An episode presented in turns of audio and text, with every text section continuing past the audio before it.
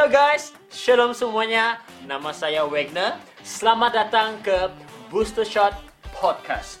Di sini Anda akan mendengar perkongsian firman Tuhan yang singkat dari saya yang akan menyentuh mengenai kehidupan kita sehari-hari dan saya pasti akan membantu Anda bertumbuh dalam kerohanian Anda khususnya bagi Anda yang ingin melihat pekerjaan Tuhan terjadi di dalam kehidupan Anda sehari-hari. So, siapkah Anda untuk menerima booster shot pada hari ini? Here we go!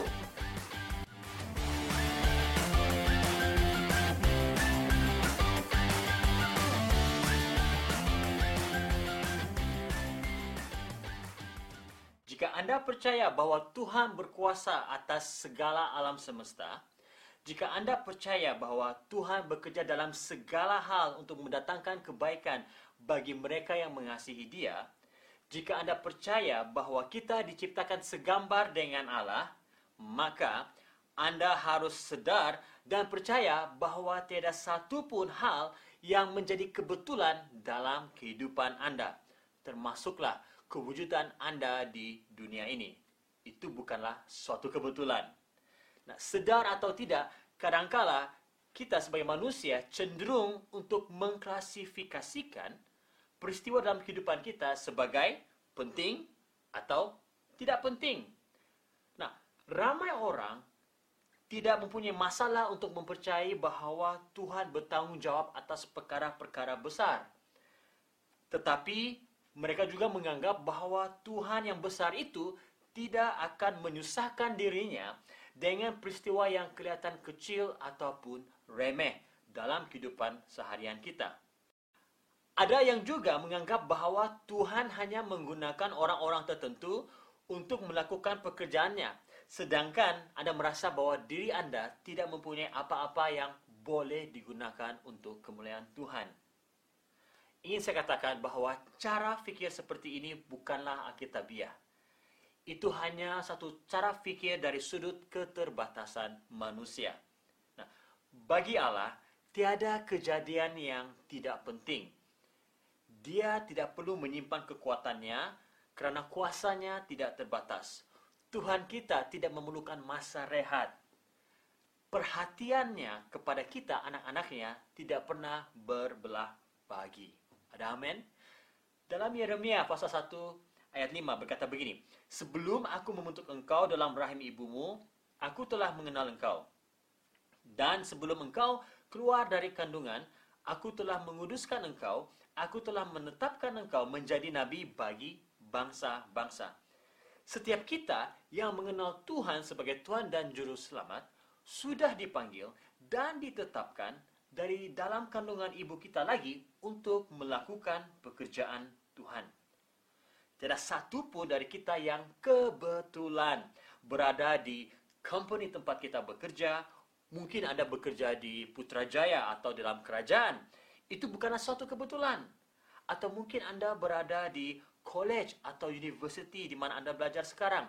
Itu pun bukanlah suatu kebetulan. Bahkan, saya percaya tiada satu orang pun dari kita yang kebetulan dilahirkan dalam keluarga kita. Mungkin Anda berkata, tapi pastor, keluarga saya belum percaya Tuhan. Atau mungkin Anda juga berkata, pastor, I come from broken family, keluarga saya berpecah belah. Nah, saya ingin beritahu kepada Anda bahwa itu bukanlah suatu kebetulan. Tuhan menciptakan kita untuk tujuan yang khusus, untuk menyatakan kemuliaannya lewat kehidupan kita. Amin. Sebelum saya menjadi seorang pastor sepenuh masa, saya bekerja sebagai seorang pemusik profesional selama 10 tahun. Nah, di sebalik kesibukan sebagai seorang pemusik, saya tour, saya mengajar musik, mengadakan bengkel-bengkel dan sebagainya. Di sebalik kesibukan itu, saya tetap berkomitmen untuk melayani Tuhan di gereja. Pada waktu itu saya percaya bahwa inilah panggilan saya untuk menjadi pemusik profesional bagi Tuhan di marketplace. Namun, pada tahun 2015 Tuhan memanggil saya untuk menjadi hamba Tuhan sepenuh masa sehinggalah ke hari ini. Nah, adakah ini kebetulan?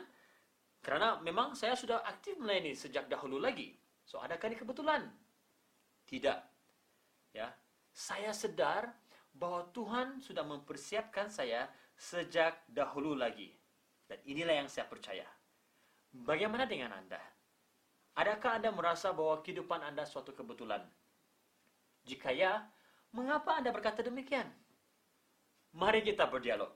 Anda boleh kongsikan pertanyaan ataupun buah pikiran Anda di, di, di bahagian uh, komen dan saya dengan senang hati akan pasti respon kepada pertanyaan atau komen Anda. Baiklah, mari kita berdoa. Tuhan Yesus, terima kasih karena Engkau menciptakan kami bukan secara kebetulan.